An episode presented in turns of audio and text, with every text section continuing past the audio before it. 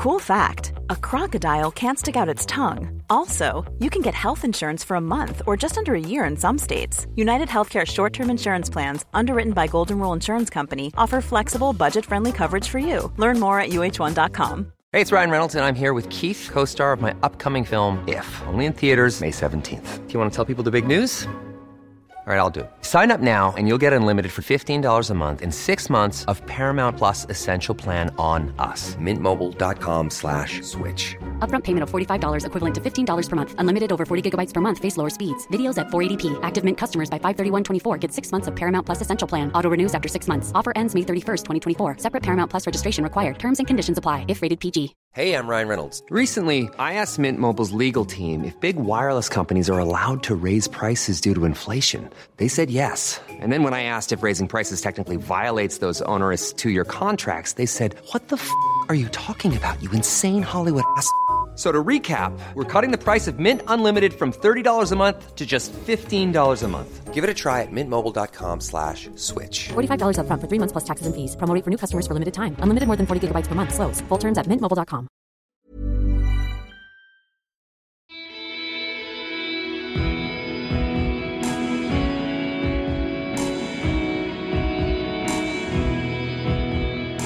Velkommen tilbake til Kaptare-podkast, episode 65. Det har gått uh, ganske lang tid siden forrige episode. Ukevis. Eh, jeg kan love dere at uh, det var ikke planlagt. Noen ganger så fører livets elv deg uh, inn på et lite sidespor hvor en hel masse ting har skjedd. Eh, jeg skal komme litt tilbake til eh, det senere, men først vil jeg bare si at dagens episode er med eh, kunstner og løper, ultraløper Lars Aurtande. En fin fyr som jeg møtte for første gang så vidt etter at jeg i fjor løp Lillomarka rundt. Så fikk jeg en innskyldelse at han måtte jeg snakke med etter at jeg så han løp Soria Moria til verdens ende 100 miles under 24 timer. Um, vi snakker om løping, selvfølgelig, om uh, kunst. Uh, litt om det ene, litt om det andre. Um, så vil jeg bare si at her jeg sitter nå, det blir Kaptare-påkast sitt nye faste studio. Nei, uh, det er ikke på Deichmanske. Uh, jeg var veldig glad i Deichman, men uh, litt kronglete var det å booke det studio og komme dit, og ting var alltid litt forskjellig hver gang jeg kom, så det var litt krevende. Men jeg har fått til en kjempegod avtale med studio Tid og Lyst, som ligger her, eh, sentralt på Grünerløkka, bare et lite kvartal fra der jeg bor, så det er perfekt. Eh, studioet er drevet av Pia Pedersen, som lager podkasten Pia og psyken. Eh, en meget bra podkast jeg begynte å lytte til, som har en stor lytterskare. 260 og noe episoder. Pia er meget flink til å lage podkast, og starter snart en podkast nummer to, som jeg kommer til å være litt involvert i som teknisk produsent. Det blir veldig gøy. Så her kommer Kaptare-podkast til å kunne spille inn noe som er en kjempefordel uh, å ha et permanent studio, som man vet at man kan invitere gjester til og komme fast og sette seg ned her. Uh, et meget bra isolert rom. Uh, gode mikrofoner, uh, god opptaker, uh, ja, mulighet for videostreaming og litt forskjellig. ja, et alt i alt veldig bra studio. hva mer kan jeg si? Jo, det har vært det har skjedd mye på det personlige plan for meg. Jeg heter Marius Hauge. Jeg har vært gjennom en liten reise hvor jeg har spilt inn en podkast som dere skal få høre seinere. Jeg har hatt eh, kontakt med veldig mange interessante mennesker som jeg har hatt lyst til å ha som gjester, som var planen at uh, skulle komme på allerede, men det har vært en meget travel tid både for meg og for alle de jeg har snakka med, så det har ikke vært mulig å få til på det praktiske plan. Så, men ting skjer, mest sannsynlig fra sensommeren og utover. Um, så vet jeg ikke om det blir uh, pause på podkasten akkurat nå, fordi ut og reise skal jeg. Jeg har familie. Vi skal dra i slutten av juni, uh, på interrail faktisk. Uh, men dagens episode kommer i hvert fall, og så muligens kommer det igjen til om to uker. Jeg prøver å få til noe før jeg drar. Ellers så har det vært en episode ute på Patron-siden til uh, Kaptare podkast, um, så det er uh, mulighet for å gå inn der og få hørt den. Um, så vil jeg bare si uh, tusen takk til alle som lytter. Jeg så nettopp på statistikk, podkasten har hatt jevnt og trutt med nedlastinger, selv om jeg ikke har gitt ut en ny episode, så det er veldig gøy. Takk til alle patrions som uh, patrioner meg og bidrar til at podkasten faktisk uh, holder det gående. Uh, nå kan det skje ting siden jeg bytta studio. ja, hva skal jeg si, litt rundt kommersialisering osv. Det er noe jeg kommer til å se på. I så fall eh, kommer dere til å få vite det. Mm, ja, det, det, er rett og slett blitt eh, mer og mer jobb for meg dette her, så da må man jo se på inntektskilder. Um, ja, så det var det. Nå kjører vi på med Lars uh, og meg. Så da bare si hei, uh, Lars Aurtande. Er det riktig uttalt? Uh, ja, du kan enten ta den franske varianten Autant, eller så kan du ta den Gudbrandsdalsvarianten som jeg egentlig kommer fra, som er uh, Aurtande. Aurtande, ja. For jeg hørte deg si det i sted. Jeg hadde tenkt å spørre om Nå snakka vi litt før vi begynte her, men jeg hadde tenkt å spørre om etternavnet, for det hørtes litt sånn fransk ut. Men der hadde du en god forklaring på hvor det kom fra. Fortell. Uh, ja, nei, jeg vet ikke om uh, forklaringen var så god. Jeg har ikke egentlig helt funnet ut av det selv, men uh, aur kan vel bety noe sånn steinrøys, et eller annet. Tande kan vel være en slags seter eller gård. Mm. Så er, du, du, har liksom aner tilbake i Gudbrandsdalen? Ja, min, ja. både min farmor og farfar kommer fra, kommer fra Lesja. Mm -hmm. Så der har jeg, vi har en hytte på noe som heter Dalsida. Mm. Så der har jeg fått liksom alle mine sånne første fjellimpulser og sånt, så der er jeg mye. Kult. Det jeg la merke til når jeg så navnet, var at hvis du tar bort den U-en, så blir det jo art. Åla. Åla, har du tenkt på det? Altså, vet du, det har jeg, det har jeg faktisk ikke tenkt på. Artande, ikke sant. Så det, det Ja. Art. Kanskje jeg må spille litt videre på det en gang. Det er som min datter, kanskje har hørt det, men min datter tegna en tegning eh, og hang på, på, døra utenfor på leiligheten vår, som henger der ennå, som er den derre Earth without art is just eh. Ja, så kult. ja. Veldig, veldig kult. Altså, for det er helt sånn essensielt når man jobber som altså, kunstner. Det føles så meningsløst ofte, og liksom lurer på altså, hvorfor driver jeg og lager all den kunsten her. Det jo, har jo ingen nytteverdi egentlig.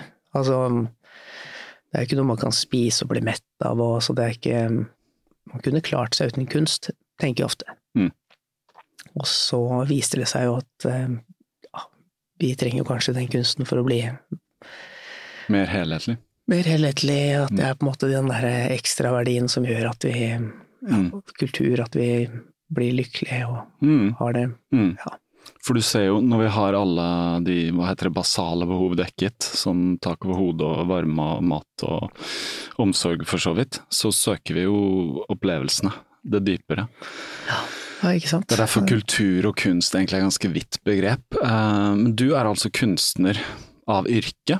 Det er av det du yrke. gjør? Ja. ja. Jeg er, gikk på Granum kunstskole noen år, og så bodde jeg tre år i England hvor jeg studerte altså visuell kommunikasjon, og ble illustratør. Mm -hmm. Så um, jobbet i mange år som um, illustratør. Jeg tegnet um, ja, lenge i magasinet til Dagbladet. Um, lagde mye sånn uh, undervisningsbøker, lagde en god del med bildebøker for barn.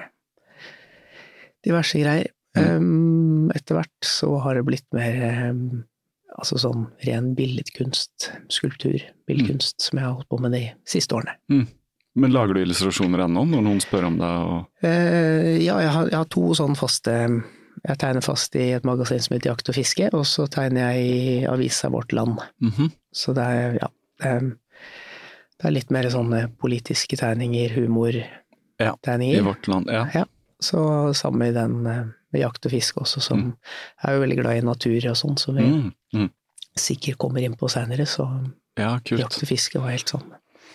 En av grunnene til at du er her, er jo også at du løper. Og um, vi har truffet hverandre en gang før, og det var etter Lillomarka rundt i fjor. Uh, og da snakket du også med Hans Christian Smedsrød i den Nå er det alvor? Jep. Og da han, han prata så vidt med meg også etter der. Jeg var vel den siste som kom i mål som fikk lov til å si noe, bable noe greier. Um, så da snakka vel du og jeg også sammen så vidt. Uh, for Nesodden er en slags litt sånn felles. Jeg har jo familie på Nesodden, er der om sommeren og for så vidt andre tider av året også. Løper litt rundt i skogen og har blitt kjent med noen der ute. Søkt litt den Nesodden Trail Runners, eh, er det det den heter? Jeg må bare passe på at jeg sier det riktig. Nesodden Trail Runners. Ja, Ja, jeg får håpe ja. jeg sier det riktig. Ja, ikke sant? Eh, Running Runners, ja. var noen andre som på en måte var liksom initiativtakerne til den eh, gruppa. Så masse veldig hyggelige folk. Eh, Veldig. Par av de som jeg Siri og Thomas Stordalen, som mm -hmm. også har vært en del på de podkastene til han Hans Christian. Ja, de har jeg hatt veldig mye glede av det siste året, i hvert fall. Mm. Eh, ellers så er jeg jo litt sånn alenefyr, som eh, mye på egen hånd rundt i skogen. Ja. Men fortell, la oss gå litt tilbake for bakgrunnen, og det er alltid gøy å høre litt, uh, se hvor langt tilbake vi spoler, men liksom hvordan Du sier du Lesja og litt sånn fjell og sånn. Um, har du bodd Hvor, hvor er du født og Nei, oppvokst? jeg vokste opp uh, rett eh, i markagrensa ved, oppe Sognsvann, Ja. eh, Nordberg. Så um, søndagene så hørte vi liksom de der skimaskinene til eh, Skiforeningen som dundra forbi huset vårt. Mm. Så, eh, Preparerte løyper? Preparerte løyper og sånn. Så um, skulle jo tro at jeg hadde hatt alle muligheter for å drive mye med trening da jeg var liten. Mm. Brukte skogen til absolutt alt mulig annet enn til eh, trening. Um, Men du var, var i skogen? jeg var veldig mye i skogen. Det er jo som en trening, det, ja. Skogen var sånn der eh, mekka for å gjøre um, altså alt mulig av sånne der rampestreker og bare herje rundt, rett og slett. Men um, ja, altså, fikk du liksom litt sånn under huden. Fattern var jo kjempeglad i å gå på ski. Og det var broren min også, så vi var jo masse, masse på ski da jeg var liten, helt til jeg fikk det sånn helt opp i halsen. I vrangstrupen, som det heter? Ja, og gikk ikke på ski i det hele tatt eh, de neste 20 årene, tror jeg. Ja. I, I ren protest mot eh, Nei, men det kan bli for mye. Hva, hva skyldtes det? Ble det litt sånn tvangsmessig? Altså, jeg vet ikke, jeg har liksom aldri hatt det derre sportsgenet i meg, har jeg tenkt, da. Eh, Jeg var liksom den, alltid den minste i klassen og alltid løp eh, dårligst på 60-meteren. eh, eh, Fotball fikk jeg ikke til, eh, liksom klarte å trikse ball til tre. Og det var liksom ikke det Det var ikke det som var kult når man gikk på barneskolen. Mm. Jeg har liksom alltid innbilt meg at eh, det med sport har vært liksom Ja, det har ikke passa for meg i det hele tatt. Mm. Så um, Men ja, så um, gått liksom egentlig hele livet og tenkt at uh, løping var for eh, tusseladder og ikke noe for meg i hvert fall. Sånne hemuler, sånne sports... eh, Du vet hemulene fra, fra Mummi? Å, Ja, ja, ja, det er de som små, er ikke så sant? kjempegira med ski og skal opp på fjellet. Ja, jeg, altså, jeg var jo veldig full av energi. Mm. Masse futt i kroppen, men um, fikk det liksom ikke helt sånn um, Inn i organiserte noe- former. Nei da. Ja. Så um, lite sånn konstruktivt ut av, uh, Mm. ut av det. Mm. Så det var egentlig mer sånn var mer det om sånn tegning og sånn som fikk meg til å liksom holde meg litt i ro, da. Mm. Eh, Når jeg tegna, så har jeg klart å Eh, sitte liksom rolig og kose. Jeg var veldig heldig og hadde liksom noen besteforeldre som bodde i huset ved siden av. Mhm. Så morfaren min var sånn som ofte kom inn og satt og tegna med meg og liksom fikk opp den interessen. I tillegg så var han ofte hjemme når jeg kom hjem fra skolen og fikk liksom komme ned i snekkerboden og um, lek, altså lage leker og Mm. lære å bruke verktøy og Mm. sånn type ting. Så det har på en måte vært veldig sånn viktig for min sånn kreative start. Mm. Kult. Så, så når, eh, bare for å ta det helt konkret, hva hva var det som fikk deg til å begynne å løpe? Altså når begynte det? Er det Begynne å noe som er ganske nylig? Um, ja, definitivt. Som sagt, altså um, Jeg husker at jeg kjøpte et par med joggesko sånn etter at datteren min ble født i 2004. Mm. Da var det et par gubber, eh, naboer, som eh, hadde lyst til å begynne å løpe litt rundt opp på Ekeberg, som jeg bodde på det, på det tidspunktet. Um, ble vel kanskje en tre-fire løpeturer, tror jeg. Uh, Syns det var helt latterlig å bruke tid på å løpe rundt oppå der. Eh, ja, så gikk det vel en del år til. Eh, ja, mye sånne omstendigheter som gjorde at vi flytta til, eh, til Nesodden. Eh, har, en, har en kompis fra Haugesund som begynte å løpe. Eller han har løpt bestandig. Eh, verdens beste kompis, Sverre Skjold.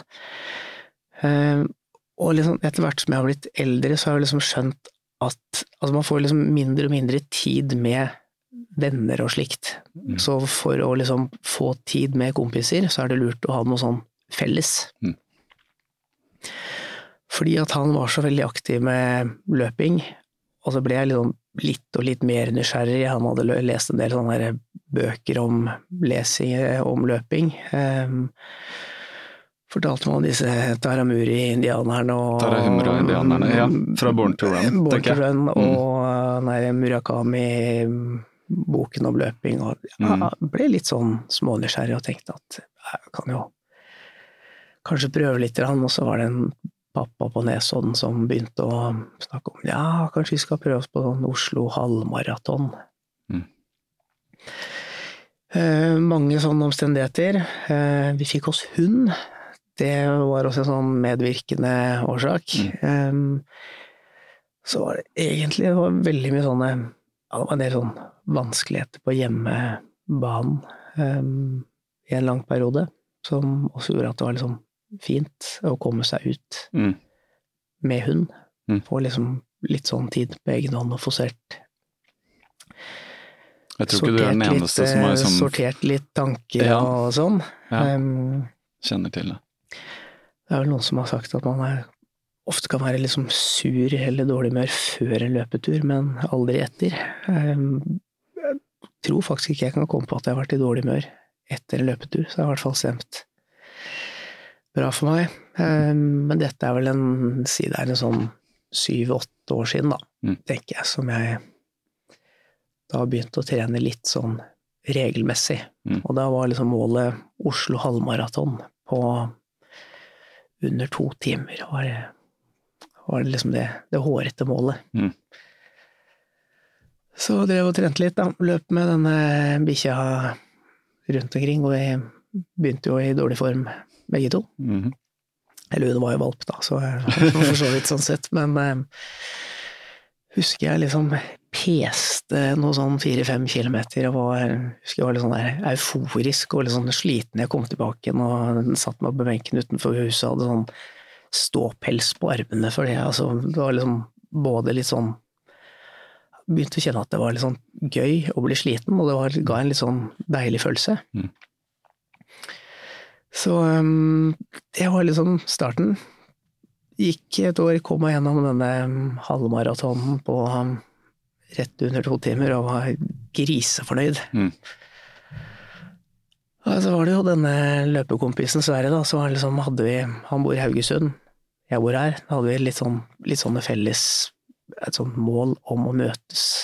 Mm. Så vi har liksom møtt hverandre noen ganger på Lillehammer for å løpe Birken, var det et sånt sted vi kunne, kunne møtes på Hvitten. Eh, Ja, tok noen sånne turer sammen og sommerferie med unger og sånne ting, hvor vi tok noen sånne små turer på egen hånd. Mm. Så det var vel egentlig, det var vel egentlig liksom den inngangen, da. Det var inngangen. Ja. Men når du først var i gang, så var det noe du trivdes men Ja, jeg blir jo ofte litt sånn um, besatt av ting, da. Um, litt sånn som jeg liksom så sånn tegning og sånn. Når jeg liksom får dilla på noe, så Mm. får jeg veldig dilla. Mm. En liten manitendens? Ja, merket jo mer og mer også at det var sånn, gjorde bra for meg da, med løping. Jeg hadde jo Mm. slitt fryktelig mye med sånn ja, ryggvondt og masse sånne eh, døve ting. Mm. Så um, kjente at det liksom gjorde, gjorde bra, da. Mm. Så var det liksom gøy å sette seg noen litt sånne nye mål. Um, stort sett løpt alene, eh, så det å på en måte ha kanskje et par sånne løpekonkurranser som man setter seg som mål, er jo ja, var liksom Ja. en bra ting, da. Har du hatt jevnlige Har du konkurrert jevnlig gjennom åra, eller eh, sånn så etter den halvmaratonen? Nei, altså- Da er det jo ofte at man setter seg et nytt mål, enten å løpe Ja, fortere, eller så vil man løpe lenger. Jeg har, jo, jeg har jo aldri hatt noe mål å løpe fortere på noe. Um, så det har vel egentlig mer og blitt altså sånn, altså sånn spennende turer. Altså hvis det har vært konkurranser som har vært i uh, spennende omgivelser, Mm. så har på en måte det vært liksom gulroten. Mm. Og så var det en fyr som sa til meg en gang at eh, liksom Enten så kan du trene bra og fullføre med stil Mm. og ha det gøy, eller så kommer man noe dårlig forberedt, og så har man en drittopplevelse. Mm. Så jeg har på en måte prøvd å være ja, Melde meg på noen konkurranser som er kanskje litt over det jeg trodde jeg har fått til. Mm. Født med et sånn lite snev av eh, naivitet, som eh, kanskje har vært eh, litt sånn Mm. positivt, da.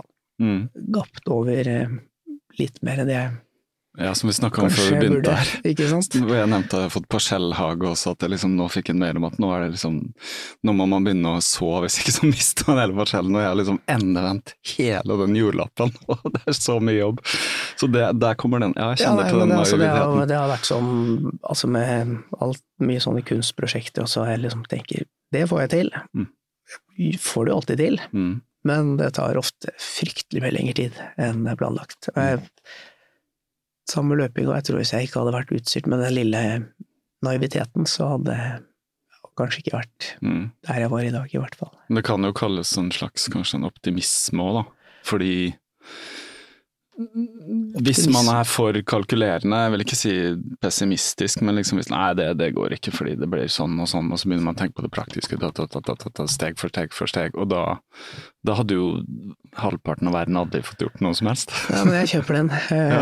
Optimisme var et veldig mye bedre ja, ja. enn eh, Det er jo, ikke sant, liten- optimisme kan være så mye, men ja, det, det er jo, det, hva skal jeg si, en litt sånn rettesnor da, hvor du, hva du styrer etter her i livet, og litt sånn hvilke spørsmål man stiller seg og andre, og ja, hva man peiler seg inn på. Ikke sant? Og så kanskje også den tanken med at eh, ja, det skader ikke å prøve. Nei. Altså i, i verste fall så kommer jeg bare halvveis. Mm. Og halvveis um, har jo noen ganger vært uh, lenger enn det jeg har løpt før Ja. allikevel.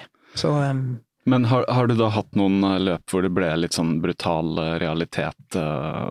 Dette var Hva var det første Er det første du kan huske å ha gjort som var sånn Dette var hardt, dette var tøft? Eller? Um, Har du en sånn? Nei, altså, jeg var Jeg tenke litt. Um, jeg meldte meg på der Hornindalen rundt mm -hmm. for en del år siden, den fulldistansen. Nå husker jeg ikke helt om det var Er det sånn 60 km ish, tror jeg? Det er jeg ikke sikker på, Nei, det er det som går rundt øh, fjellet? Eh, ja, det er opp, Ja. opp og ned en hel haug med sånne Mm, mm, topper der. mm. Og um, eh, fryktelig mye høydemeter, og um, det, var, det var grisetøft, husker jeg.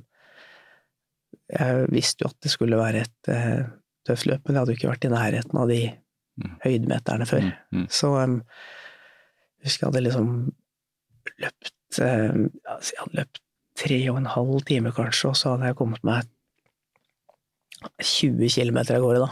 Ja. Og var helt most i kroppen. ja. Uh, Skjønte jo ikke hvordan jeg skulle klare dette her i det hele tatt. Mm. Så da tenkte jeg at nå har jeg vel eh, kanskje bitt, eh, bitt over noe som var litt for stort. Mm. Så eh, Men igjen, det var kanskje en av de der sånn første erfaringene mine hvor jeg liksom vet at ok, du bare liksom roer ned litt igjen. Tar det litt rolig, og så er det ofte sånn at det snur på et eller annet tidspunkt. Mm. Så det var kanskje min sånn første opplevelse av å gå liksom sånn helt i kjelleren, og så bare fortsette med han en time siden til, og så begynner ting å funke igjen, da. Mm. Ehm, Så du kom i mål på den? Jeg kom i mål. Ja. Uh, brukte ganske lang tid. Mm. Uh, tok sånn type 12-13 timer eller Mm. noe sånt. Mm. Så uh, neste løpet etter det, da dro jeg faktisk til Madeira og løp der Eco Trail Oi, den ja. eh, 80 kilometer. Så det var det min første sånn ordentlig lange løp, da. Mm. Jeg, har- jeg har fått med at Ecotrail er jo veldig mange steder, og det er eh, et av de stedene, ja. Madeira. ja, øh, ja, jeg kom Hvordan dit- var det? Jeg kom dit og var helt sånn slått i bakken av naturen. Mm. Det var eh, helt Hvordan er naturen der? Hvordan, Altså, er, jeg har ikke vært der. nei, det, er, det ligger jo liksom midt ute i havet mellom eh, Portugal og Afrika, så det har et helt sånn, helt sånn merkelig sånn subtropisk eh, klima. Eh, fjellene der er vel Er de rett under eller rett over 2000 meter? Og går jo ganske sånn rett opp fra havet. Mm. Så det er veldig masse fuktighet der. Det regner veldig ofte, men det kommer sånne svære sånne skyll, og Mm. så blir det kjempevarmt igjen. Mm. Så det er sånn ekstremt eh, grønt, og altså det er sånn foss, fossefall som bare spyr ut fra fjellveggen og detter hundrevis av meter Mm. rett ned i bakken, og Kult. fantastiske blomster og planter. Men er det Ikke sant, Madeira, altså det ligger uh, det, det er Portugal som har tatt den øya. For jeg tenker Ja. også på Jeg var nettopp på Tenerife, Yes. og det er jo også en sånn øy som har et veldig spesielt klima, fordi jeg var på sørsiden og bodde der. Og vi var på en sånn tur opp på Teide, som er sånn et kjempehøyt vulkansk fjell. Det er jo 3700 meter oh, toppen. ja. Vi var på 3005 da vi kjørte opp en sånn kabelvogn, men så gikk vi en sånn hike, eh, en, en stitur da, på nordsiden, og der var klimaet helt annerledes. Nettopp det. Fuktighet. Ja, så og så du begynte nede i varmen, og så når du kom til 500 meter, så liksom begynte skogen. Og så var det plutselig mose og liksom masse fukt, og skyene lå alltid over toppen der oppe, og det er liksom veldig sånn lokalt mikroklima. Så det er kanskje det på Madeira òg, kan jeg tenke meg. Det er, det ligger i det er nok det. Og det ja. som også er kult, er at det har bodd, har bodd mennesker der i liksom tusenvis av år. Og Mm. de har jo drevet og liksom laget stier rundt omkring i fjellet. Det er liksom masse sånne trapper og sånne såkalte levadaer for å på en måte føre vannet til de stedene hvor de bor. Mm. Så det er masse sånne kanaler, eh, så dette løpet går jo masse på sti, men også mye langs disse kanalene, og ja, sinnssyke trapper. Jeg drømte om trapper i flere uker etterpå, altså sånne mm. trinn som de har på en måte hugget ut Ja, i berg og, ja. og sånn. Så ja, det var et kjempe, kjempefint løp, altså. Så kult. Hva er det som gjorde at du valgte det av alle ting? Hadde du løpt Ecotrail her i Oslo først, eller? Eh, Jeg hadde prøvd meg på en sånn kort distanse her eh, i Oslo, men um, det var vel egentlig sånn der litt sånn uh, ja, Lyst på et litt sånn eventyr. Mm. Noe som var litt sånn annerledes. Mm. Høres kult Så, ut. Ja, nei, det, eh, ja, nei, det var- det går ennå, eller? Det løpet? Uh, ja, Og det det har flere forskjellige distanser også, sånn som her. Det har ja. det. Ja. Det er vel fordi at jeg sto også på en sånn mailingliste sånn internasjonal, Ja. hvor du kommer innimellom. Jeg vet det er i Paris Og det er jo et sånn. annet løp der, Miut, mm. um, som vel også står liksom høyt på lista mi over Mm. løp jeg har lyst til å løpe. Mm. Eh, Det er vel eh, Ja, det er vel en sånn 100-120 kilometer, eh, men altså tvers over hele, Og hele øya. hele øya. Ja. Da får du på en måte alt. Mm. Eh, jo, det som var litt, jo, det som var litt gøy på det løpet, altså det er jo mye, mye fint vær der, og det er jo ofte eh, ja, varmt og sånn, men eh, man glemmer litt det der med de fjellene og sånn, da, for den, den løpsdagen som vi skulle løpe, så våkna jeg opp til bare sånn plaskende pissregn. Mm. Forholdsvis grei temperatur, men det var liksom, det bare bøtta ned. Så liksom begynner du å løpe, og du løper én time, to timer, tre timer, fire timer, og det bare liksom fortsetter å bøtte ned med regn. Du løper nesten inn i skyer og Ja, inn i tåka. skyer og ja. og du fikk jo ikke Ja. med deg noe av den fantastiske utsikten. Og når du kom opp på den første fjelltoppen, så var det to varmegrader. Og jeg var klissvåt. Eh, altså, jeg var så kald på hendene at jeg liksom måtte få hjelp til å få meg få den der flaska ut av den der Ja. um, vesten min for å få fylt på. Nei, det var helt uh, sinnssykt. Um, For når, når på året går dette? Uh, dette var i eh, oktober. Men det blir kaldt på hvis du er nær 2000. Ja. Så kan det bli kaldt, ja. Slutten av oktober. Ja. Det var litt sånn eh, bursdagsgave til meg selv. Aha, og ja. reiste hit. Så jeg hadde, bursdag dagen etter løpet. Mm -hmm. Hvordan Men du, du, kom deg gjennom? Jeg kom meg gjennom. Ah. Eh, Jeg kom meg stort sett alltid gjennom. For det er ingen spøk å-. Nei, det er ingen spøk å bli så kald når man er våt. Det er vel kanskje det som er det absolutt verste. Ja, det som var fint var at man da skulle ned fra den Mm. fjelltoppen igjen, Mm. og kom liksom litt sånn i varmen igjen, og Mm. liksom Mm. Tørket opp igjen da, før Mm. vi skulle opp på fjelltopp nummer to, og ble akkurat like våt en gang til. Så det ga seg ikke det regnet? Nei, det var litt sånn tidlig framme da, stort sett bare regn og tåke og Ja. kjipt vær Ja. hele den løpsdagen. Hvor mange er det som stiller eh, til start på et sånt løp? Uh, og vet du hva, det husker jeg ikke. Uh, kan det ha vært et par hundre? Ja, Det er i hvert fall det er eh, det er vesentlig mindre enn uh, Her? enn her. Mm. Ja, her er det blitt ganske stort. Der makser de vel ut hvert år, tror jeg. Ja. Men jeg hørte at uh, EcoTrail her i år, at det var veldig mange som Altså, det var fulltegna, men det var veldig mange som ikke stilte start. Og det Ja. tror jeg må ha med å gjøre at uh, mange som har flytta flytta start uh, for at de to siste åra, hvor jeg faktisk har løpt med min datter 10-kilometeren, um, så har det jo vært virtuelt pga. coviden. Uh, så det var kanskje mange som hadde da kanskje meldt seg på Ja, kanskje i du si jeg- jeg ikke var sant? en av de. Ja, ok. Så Ja, du, løp du i år, eller? Nei, jeg løp eh, ikke i år, fordi altså jeg fikk flytta billetten min Altså jeg hadde jo billett i fjor, Ja, og så Nei, jeg hadde billett i forfjor. ja nettopp. Sikkert mange. 2020. Jeg hadde billett fra i forfjor, -hmm. og så ble den flytta til i fjor, Mm. og da passet det ikke. Mhm. Eh, og så ble den flytta til i år, -hmm. og da passet det heller ikke, for nå var jeg jo løp et annet løp Det var det. den helga. Samme helg? Eh, Mm. Ja, så da Og nå fikk jeg ikke flytta det lenger, så Nei, så der, der røk Ja, men det, Da det forklarer jo litt, Ja. da. Um, men da har du altså, ikke sant, det, det kan vi jo hoppe til faktisk, Uh, for du løp, det er jo bare noen uker siden nå, du løp Soria Moria til verdens ende. tre uker siden. Mm. Tre uker siden er det. Uh, 100 miles, ganske kjent løp. Jeg har ikke løpt, men jeg kjenner flere som har gjort det.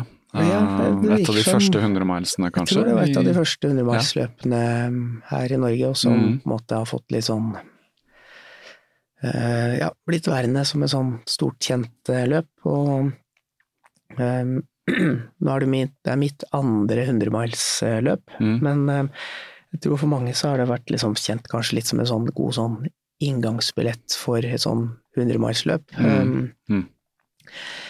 Etter sigende eh, litt sånn lettløpt eh, hundremilsløp, hvis du skal løpe mye terreng og sånn. Mhm. Um, jeg vil ikke påstå at det var fryktelig enkelløpt løpt 100 miles, men um, Men hva, hvilket var det første du tok løp, da? jeg løp eh, Rondane 100 for uh, Ja. ja, det er to og et halvt år siden. Ja. Og igjen, det var også sånn um, Da var jo min, uh, mitt um, Madeira 80 km var det lengste jeg hadde løpt Mhm. før jeg bega meg på dette Rondane løpet. Mm. Nå hopper jeg jo fryktelig langt tilbake igjen fra dette um, Soria Moria til verdens ende, men vi Ja, kan, men det- det eh, vi kan eh, komme tilbake igjen dit. Mm. Um, fordi altså, det, var, det var litt sånn gøy det med sånn hvor langt man løper og altså sånne type ting. For altså, jeg vet jo at 100 mile selvfølgelig er dritlangt Mm. når man bare har løpt 80. Mm.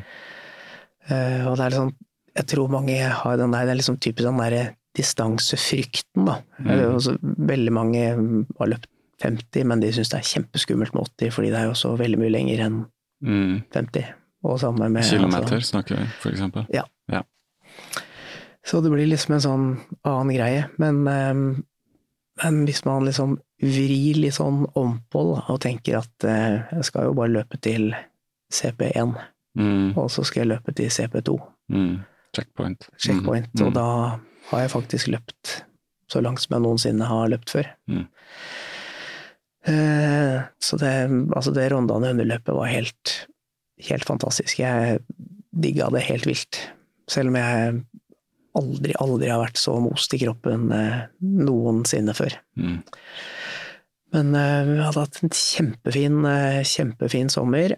Eh, Fått trent ganske sånn mer enn jeg hadde trent tidligere som vinteren i forveien. Og så hadde jeg et kunstprosjekt i Bodø. Så jeg flytta Eller jeg flytta ikke til Bodø, men jeg bodde fikk låne leide meg en sånn hybel der. Eh, så jeg var vel nesten to og en halv måned i Bodø den sommeren. Jobbet på Tverlandet skole, hvor jeg gjorde en sånn utsmykning. en utsmykning. Mm. Så jeg lagde to svære sånn uh, veggmalerier. Um, og det altså, var en sånn perfekt sånn trening til et sånt løp. Jeg jobbet på dagen Mm. på skolen, og så Altså, jeg hadde jo ikke noen ting å gjøre på kvelden annet enn å Løpe løpe. og spise. Så løpe og spise. Så det var bare sånn helt sånn kjempegull. Mm. Det var jo midt på sommeren, så var jo sol Døgnet rundt i Bodø. Ja. døgnet rundt. har så det var litt sånn eh, Tok meg liksom en kveldstur til eh, Steigtind, for eksempel, som er helt sånn et av de kuleste fjellene jeg har vært på Mm. noensinne. Mm. Eh, vel kanskje ja, sånn 15 kilometer eller noe sånt fra der man setter bilen, men det er er liksom dritbratt, og du kommer opp der i sånn midnattssol. Mm. Liten sånn fjellegg. Mm. For det første du kommer opp til, er litt sånn hull du kan liksom titte gjennom i fjellet. Oi. Og gjennom der så ser man jo på en måte eh, Lofotveggen som bare liksom Går utover. Mm. går utover, Mm. eh, langt i det fjerne ute i havet. Mm. Så jeg hadde masse sånne helt sånne sinnssyke opplevelser Mm. i Bodø den sommeren. Så jeg fikk gått masse i fjellet. Og jobbet kjempemasse. Så rett og slett en helt sånn perfekt eh, Mm. sommer. Og det var oppladningen Det var oppladning til, Ja. eh, til, eh, til Rondane. Så um, Men jeg ser jo i etterkant at jeg skulle nok eh, få en helt sånn optimal opplevelse, så burde jeg nok ha kanskje trent enda litt mer og Handler det om å løpe leng lengre turer, eller? Være lenger ute på bena? Uh, Altså, jeg tenker kanskje om å bare ha mer trening i beina, rett og slett. ja. Jeg veit ikke helt. Det er vanskelig å vite hvordan man skal forberede seg på et så langt løp. Mm. Jeg kom meg jo gjennom, da, det, men altså, det tok jo nesten 30 timer. Mm. Det er lenge, altså. Hvordan var den opplevelsen av å gå liksom gjennom en hel natt og Det, jeg digga det. Mm. Jeg syns det var liksom noe av det feteste med hele turen. Mm. Var den derre eh, Hadde liksom kommet over den derre kneika hvor jeg var helt i kjelleren, og kommet på det punktet hvor du Altså, kroppen har bare liksom skjønt at ok, i dag skal du bare bli helt vreka. mm. Kroppen har liksom bare gitt opp litt. Um, mørket kom ut av som lommelykt og Eller hodelykt og de greiene der, og så var jeg jo superheldig med været, for det var jo altså det var helt bekmørkt, men stjerneklart. Mm. Og den der følelsen av å liksom jogge, gå, klatre i en sånn steinrøyser midt på natta. det så kanskje noen andre sånne hodelykter liksom i det fjerne litt Mm. innimellom. Det var liksom helt sånn magisk Men for det meste alene. Ja. Eh, ja, det var én løper til som jeg hadde litt sånn foran og bak, så jeg liksom, Ja. dere var, ropte litt til hverandre når den ene var på vei feil kurs ut i Mm. Steinrøysa, et eller. Mm. Det tar lang tid å løpe, da. ja.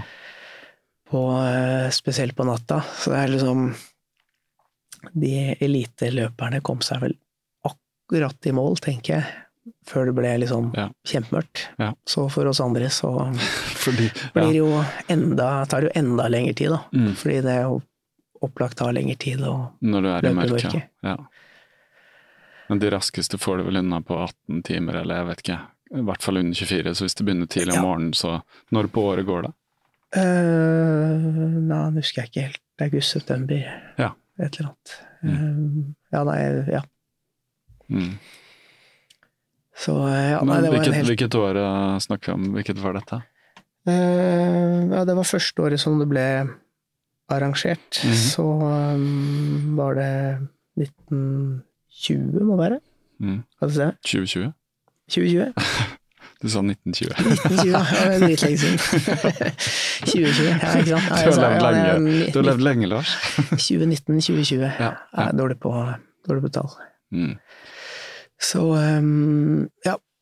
Men um, det, er, det er litt sånn rart med det. Det er liksom noen Jeg vet ikke om det stemmer, men uh, jeg har hørt noen ha sagt at det er et sånn Kan så fort ta en sånn sju år før man er liksom litt sånn på høyden Mm. av å løpe fra man begynner. Mm. At det er på en måte den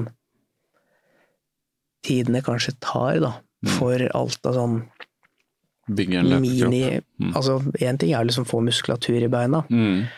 men alt av sånne småsener og minimuskulatur og Og alle de og kapillærene, de, de bitte små blodårene, som de blir mer effektive, så vidt jeg har forstått. Eh, Det blir mer av de, eh, for å frakte mer oksygen da, til, til muskler. Så jeg, liksom, jeg har merket at det har skjedd veldig mye positivt med beina mine sånn de siste årene. Mm. Etter rondane, faktisk. Mhm. Som Mm. bare har blitt av seg selv. Sånn litt sånn mer spenst, litt Mm. mer ja, Ting går lettere. Ja. Um, kanskje økt treningsmengden lite grann, men ikke Mm. noe sånn For hvordan, hvor, hvordan trener du, eller hvordan har du trent opp igjennom? Du sa jo, ikke sant, snakka litt om hvordan du begynte å løpe, men en viss metodikk eh, har du vel funnet? Hva er liksom Ja, modusen du Um, går inn i? Jeg er jo litt som har den metoden som ikke er noe spesiell metode, kanskje. Um, aldri vært noe glad i sånn treningsstrukturer. Sikkert derfor jeg ikke likte noe idrett i, da jeg var yngre heller. Mm. For da handler det jo bare om struktur, selvfølgelig. Ja.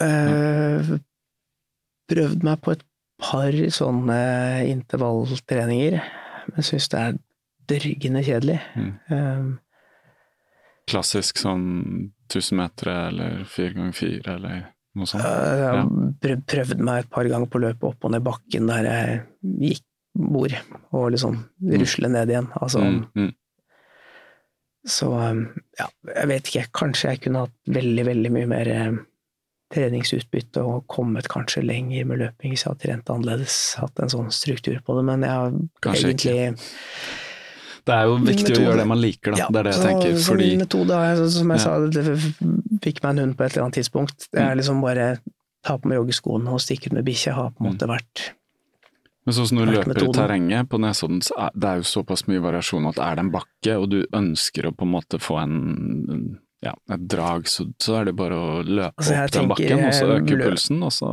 ja. Løper man mye i terrenget, så er det variert. kanskje en slags eh, intervalltrening, bare at du liksom naturlig må gå opp en bakke, og så Ja. slipper du deg ned i en nedoverbakke og Mm, gi bånn gass, mm. fordi det føles bra. mm, Så ja, ja, nei, jeg har egentlig bare løpt nesten alltid mm. på egen hånd. Eh, Eller du, du og bikkja. Jeg og bikkja. Ja. Så vi Hvordan trives den i terrenget? Hva slags hund er det? Du, det er en, en lagotto, eh, som er en såkalt sånn italiensk vannhund. Mm. Eh, Krøllete pels og sånn allergivennlig. Mm. Helt sånn fantastisk eh, hunderase, fordi altså de superrolige sånn hjemme, kan ligge i beina dine hele dagen, Mm. men hvis du skal ut, så er den liksom helt på. Mm. Ikke sånn kjempestor, men det er jo ganske sånn lange i beina, og har en helt sånn fantastisk sånn løpsanatomi, da. Ja, så bra. Eh, Så opp til sånn 40 km er det liksom null stress å ha med, Mm. med bikkja, i hvert fall. Mm. Jeg har ikke hatt henne med på noen lengre turer enn en det. Syns det høres langt ut. der er for en liten, liten men, eh, Men takler Er det hun eller han? Takler, ja, det er en tispe. tispe. Ja. Hund. Ja. takler hun det fint? Altså de lange Jeg har eh, aldri merket noe tegn på at Nei. hun eh, har liksom tenkt at det var langt. Så Mm. det er litt sånn Tenker kanskje sånn, hvis du løper, så er jeg med. Ja, nei, altså, men Liksom. altså, det er liksom Mm, Tegnene er jo kanskje der når man har liksom løpt 30-80 km og Mm. sparker i en kongle, og så er bikkja liksom helt koko og skal fange kongla, og Ja, har fortsatt ja. Ja. mengder Fortsatt med overskudd. ja. Utrolig, altså. Jeg elsker å løpe i skogen med hund. Mm. Eh, Det bare sånn dypt fascinerende å se hvor enkelt i løper, og liksom det fotarbeidet og Mm. Det er kanskje en fordel av fire ben. Eh, ikke, Ja, ikke sant. Altså, hun, eh, hun Flere veier føtter å stå på. Hun veier elleve 11 kilo, da, Ja, og fire eh, labber, så det blir jo liksom det blir mellom mellom og en 2,5-3 kilo Ja, ja. per labb, rett og slett. Wow, ja. Så det er ikke fryktelig mye, men Nei, er du, du er vel en relativt lett fyr du òg, noe som jeg ser som en fordel når man løper i skogen og mye oppover og, og sånn. Ja, det, det er sikkert det. Samtidig Mm. så kjenner jeg noen som er vesentlig mye større enn meg, som Ja. også løper veldig bra i terreng. Kompensere med muskulatur, da. Så det er vel jeg, det. så jeg veit ikke helt. Nei, nei. nei, det er ikke godt å si. Det er ikke noe som gjelder eh, Du ser jo det i løping, at det er veldig mye forskjellige eh, kropper som, Ja. og mye forskjellige stiler og, som gjør det bra likevel. Så det, det, det er mange ting som spiller inn der. Det er det. Men, du, men det, det virker som du har, um, du har Du har den tilnærmingen som er sånn lystbetont, da. Du sier du elsker å løpe i skogen, og det bare det Ja. er jo en trening. Det er jo bedre å ja, løpe på en måte man elsker, enn at man skal tvinge seg inn i systemer. Selv om i perioder syns jeg det har vært gøy å finne ut, for jeg har hatt sånne prosjekter som er sånn fort kan løpe halvmaraton, fort kan løpe maraton. Og så nå er det blitt mer sånn eh, lengre løp på skogen og sånn, så det er litt annerledes nå kanskje, men jeg, jeg syns det har vært gøy, da. Men nå trente jeg også metodisk når jeg var barn i friidrett, og da var det mye ikke, ikke det at løping kanskje var så metodisk, det var mye sånn teknikker, det var mye høyde og lengde og sånne ting også som jeg likte. Sånn, sånn mestre en teknikk, da. Så ja. Så jeg er mer sånn, jeg har tall og ting og metoder og sånn kan være gøy det òg, men, men eh, det er begge deler, altså. Ja. Både venstre og høyre hjernehalvdel eh, får liksom sin, eh, den kreative og den analytiske, eh, får leve ut. Noe som er viktig, tror jeg. for min del så har det nok vært utelukkende den derre lystbetonte løpingen som Mm. har fått meg til å på en måte fortsette med det. Mm. Um, men det er også altså jeg kombinerer det jo veldig mye med, med jobb, føler jeg. Mm, Altså mm. med mitt sånn kreative yrke. Føler at det å liksom løpe på stien um, får meg til Altså jeg tenker veldig mye, blir veldig Mm. inspirert. Jeg tegner jo mye natur Mm. i tegningen min og sånne ting. Og Stopp- dyr. Og mye dyr. Ja. Mye sånn fantasivesener. Ja, ja. eh, Stopper jo ofte, tar mye fotografier, bilder og sånne ting. Jeg har en helt sånn merkelig fascinasjon av trestubber, for eksempel. Mm. Og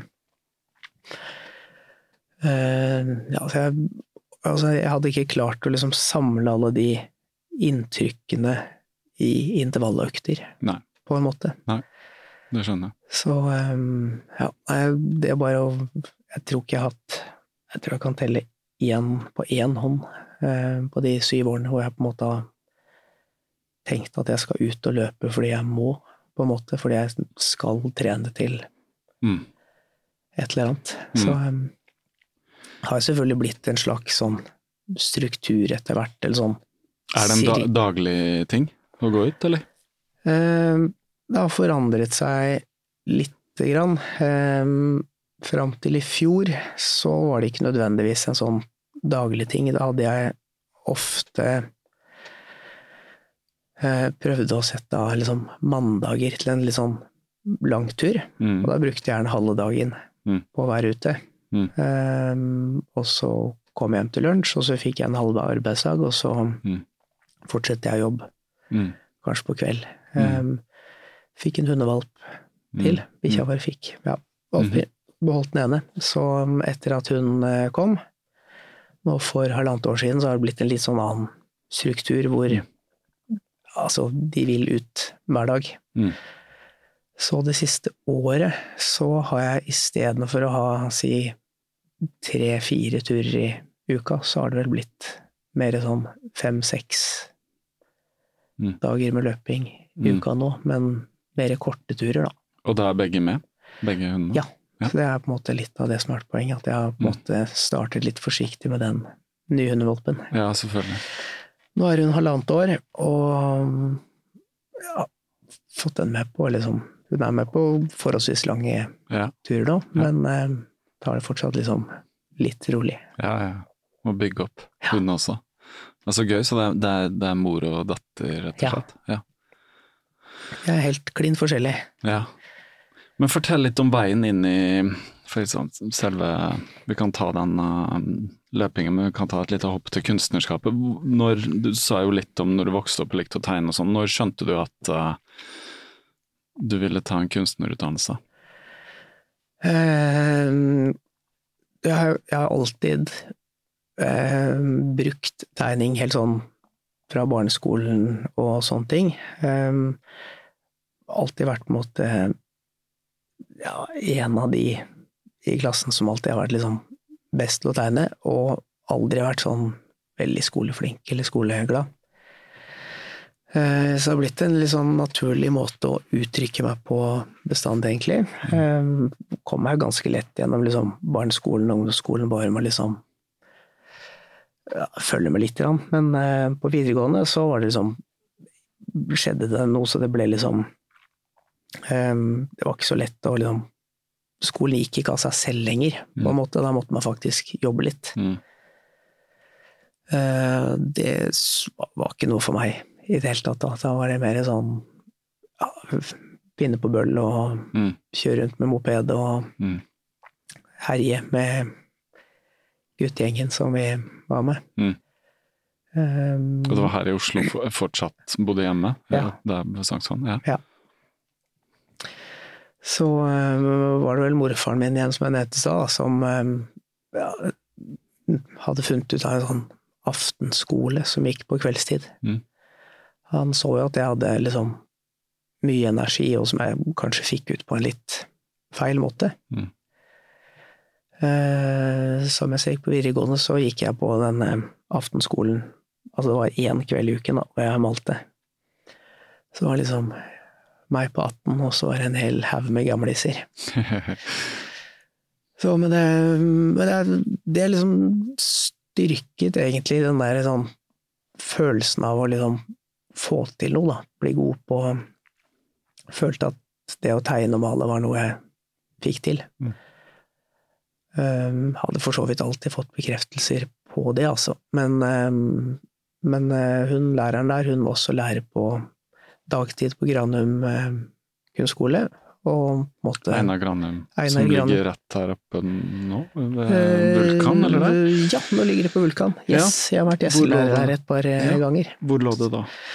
Da lå det nede i Lybekker-gaten, eh, rett ved Oslo City, faktisk. Ah, ja. Oppe i sånn eh, høl i ah, ja. en bakgård og opp noen etasjer. Ja, yes. uh,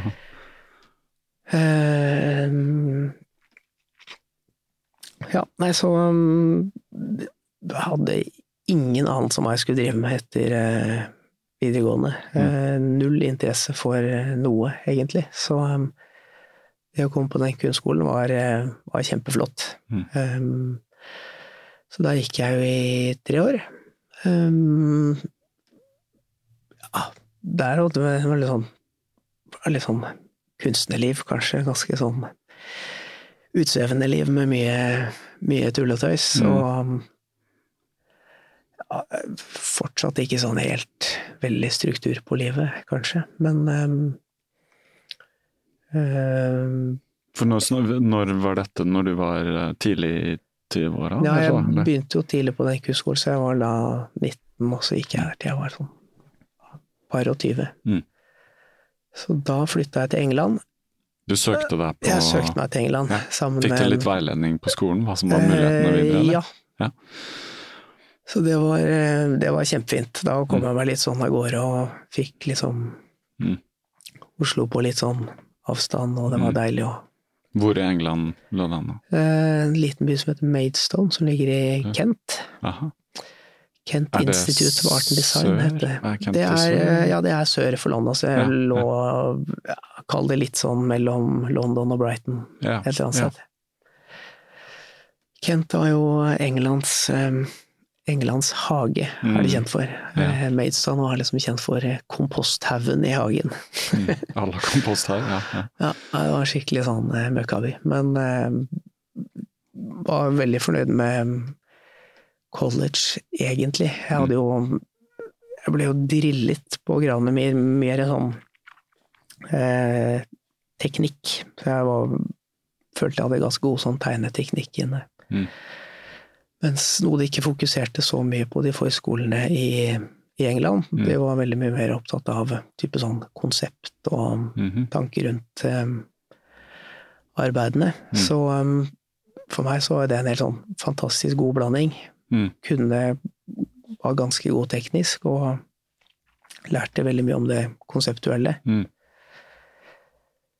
Um, så når jeg kom tilbake fra England, så begynte jeg jo ganske raskt å ja, drive med det jeg nå på en Mm. måte driver med. Da var det illustrasjoner først, tegning? Ja, Det det var visuell kommunikasjon jeg gikk Ja. på i England, så det var um, Begynte å tegne mye sånn skolebøker og litt sånne Mm. enkle type ting. Mm. Men uh, også alltid vært uh, glad i altså veldig kreativ eh, og alltid likt altså sånn verktøy, bygge ting tredimensjonalt. Så jeg har også laget flere bilder, altså barnebøker som, hvor jeg har bygget hele boka Mhm. tredimensjonalt med liksom kulisser og Oi. dokker og Mm. modellert og avfotografert og ja, litt sånn eh, spesielle, Mm. kanskje litt sånn spesielle bøker. Så det er en del bøker her borte på biblioteket, barnebøker, som du har illustrert? Jeg har vel laget en eh, 18-19-20 Oi. bøker, Ja. tipper jeg. Så Med forskjellige forfattere? eller? Ja. Ja. Så de er, er vel innkjøpt på denne biblioteksordningen. Mm. De fleste av de, i hvert fall. Ja, det vil jeg tro. Er det noen kjente som vi vet om? Eller som som vi kanskje Jeg har lånt mye bøker selvfølgelig Nei, ikke sant. Altså, det er litt sånn typisk. Det er jo eh, I mitt yrke så er det noen bøker som eh, slår an, som Bukkene Bruse i badeland, og så Ja. kjøper alle de bøkene. Mm. Og så er det kanskje de litt sånn eh, små, rare bøkene som Altså, tre av bøkene mine har blitt nominert til Kulturdepartementets bildebokpris, Mhm. men aldri blitt noen bestselgere. Nei. Det er rart. Ja. Det er litt sånn klassisk. Det er litt sånn, Classic. ja, det er sant, Bukke- Bukkene Bruse Badeland har jeg ikke lest, men jeg vet hvordan det er. Det er sånn, Hvis du ser etter barnebøker, så er det noe som blir pusha. Selvfølgelig, det bokhandlerne skal jo selge, så de eh, Og en av de tingene de selger mye av, er jo selvfølgelig barnebøker, fordi vi kjøper mye bøker til barn. Vi kjøper vel mye bøker generelt i Norge, tror jeg. nå. Har du gjort noen andre illustrasjoner for andre bøker? Voksne, eller voksne, altså læring, eller noe som er mer sånn i den kategorien, eller er altså, Jeg har, vært innom kjempemasse, så jeg Ja. laget tegnet en bok om eh, parterapi, eh, Mm. tegnet altså en del bokomslag. eh, Mm. eh, Er jo egentlig innom, innom det meste. Reklametegning. Mm. Egentlig veldig lite jeg ikke har gjort av Mm. noen type illustrasjon, faktisk. Når du får eh, et oppdrag, er det veldig varierende hvor, hvor mye kreativ frihet du har, eller er det mye Å ja, ja, det er Ja. kjempestor, kjempestor forskjell. Ja. Eh, altså, noen kunder bruker deg jo nærmest bare som et sånn verktøy. Ja. De vet hva du vil ha. De skal bare liksom Få det ha noen til å gjøre det. Mens, Ja. eh, mens andre gir deg jo helt frie tøyler. Mm. Så eh, altså, begge deler kan være gøy, altså. Mm. Men uh, Mm. Men det er kanskje Men, den eh, der hvis noen har et veldig konkret bilde i hodet, og så kommer du tilbake og sier nei, det var ikke det jeg ville ha. ja, nei, altså sånn, sånn, sånn, Kan sånn være frustrerende. Ja, Ja. sånn, eh, sånn skjer jo. Men, men eh, veldig, veldig fornøyd med de par sånn illustrasjonsjobbene jeg har nå, og så Mm. skal jeg bruke fullt fokus på egenarbeider Ja. framover. For egenarbeider, er det da Hva er det du fokuserer på da? Jeg har jobbet veldig mye med silketrykk, Mm. Um, som er en sånn altså en grafikk, grafisk metode. Uh, ja, det- skulpturer. Nå har jeg laget en liten bunke med betongskulpturer. Mm. Altså ting som jeg modellerer i leire. Mhm. Og så lager jeg silikonformer og støper figurene etterpå. Mhm. Eh, malerier, diverse, egentlig. Så um, nå jobber jeg mot en utstilling som skal være på H gamle prestegård på Jæren Ja. til høsten, som er på en Ja. måte neste store prosjekt, da. Ja. Så gøy. Har du, det- hatt, har du hatt mange utstillinger? Eh, ja. Det har Både blitt, gruppe og solo? Det har blitt ganske mange etter hvert, så jeg har hatt separat utstilling både på altså, norske grafikere og Mm. Tegneforbundet og Mm. ja, flere store, Mm. store, store steder. Og er, har solgt og innkjøpt og sånne ting også? Eh, ja, heldigvis så blir det jo litt grann eh, salg. Ja, ja, Så eh, det er jo ikke fryktelig ofte at eh, billedkunstnere blir steinrike, men Nei, eh, nei. nei. Det, det går rundt i hvert fall. Ja, jeg skjønner. Men hvis man vil se litt uh, arbeider, er det beste hvor på web, din webside? Eller? Eh, ja, den er litt sånn halvoppdaterte hjemmesiden Ja. larsautande.com. Ja, jeg var på den, og det var en, blant annet jeg snakket om det var en adresse der som var borti gamlebyen et sted, hvor du kanskje hadde, har hatt et atelier tidligere. Så jeg var sånn, er du der? Nei, der har jeg ikke vært på lenge. Ja, Nei, men jeg skjønner. Også oppdatere websider. Jeg er eh, selv skyldig i å Ja. ikke være god på det. Så Jeg ja. har noen der Instagram-konto som er litt sånn eh, Ja. er veldig rart eh, lage litt sånn eh, blanding, sånn blanding av eh, løping og kunst. Ja, Men ja, ja. eh, jeg har prøvd å lage en eh, kombo. Er det noe Altså, du snakka om ta litt Du er opptatt av natur og ta litt bilder når du løper og sånn, men er det hvordan, hvordan flyter de to tingene inn i hverandre, egentlig? Er det, er det noe der? Um, altså sånn kunst og løping. Ja. Uh, altså jeg vil jo definitivt si at um, begge deler er liksom to typiske ting som etter hvert blir bare en sånn livsstil, Mm. og en del av deg selv, som Det er veldig vanskelig å tenke seg å ikke gjøre en av de to delene lenger, på en Mm. måte. Vi, begge deler blir liksom en sånn del av kroppen din som du ja, miste en av dem, eller føles som å liksom miste en arm eller et eller annet. Jeg vet ikke helt, ja, men, ja. men, det er en del av identiteten, kanskje? ja, at det det definitivt. ja. Det, det gjør absolutt det, altså. Jeg føler jeg har fått helt sånn sinnssykt mye igjen for Mm. begge deler. Mm. Um, den der jeg kunne aldri vært utenom denne kreative delen av meg. Det er på en måte hele Mm. personligheten min. Mm. Og det også at det kombineres jo veldig fint med nettopp det her å tur i skogen. Eh, Jeg har ikke noe sånn A4-jobb hvor jeg må være på jobb fra Mm. til fire heller, så jeg Mm. kan, Mm.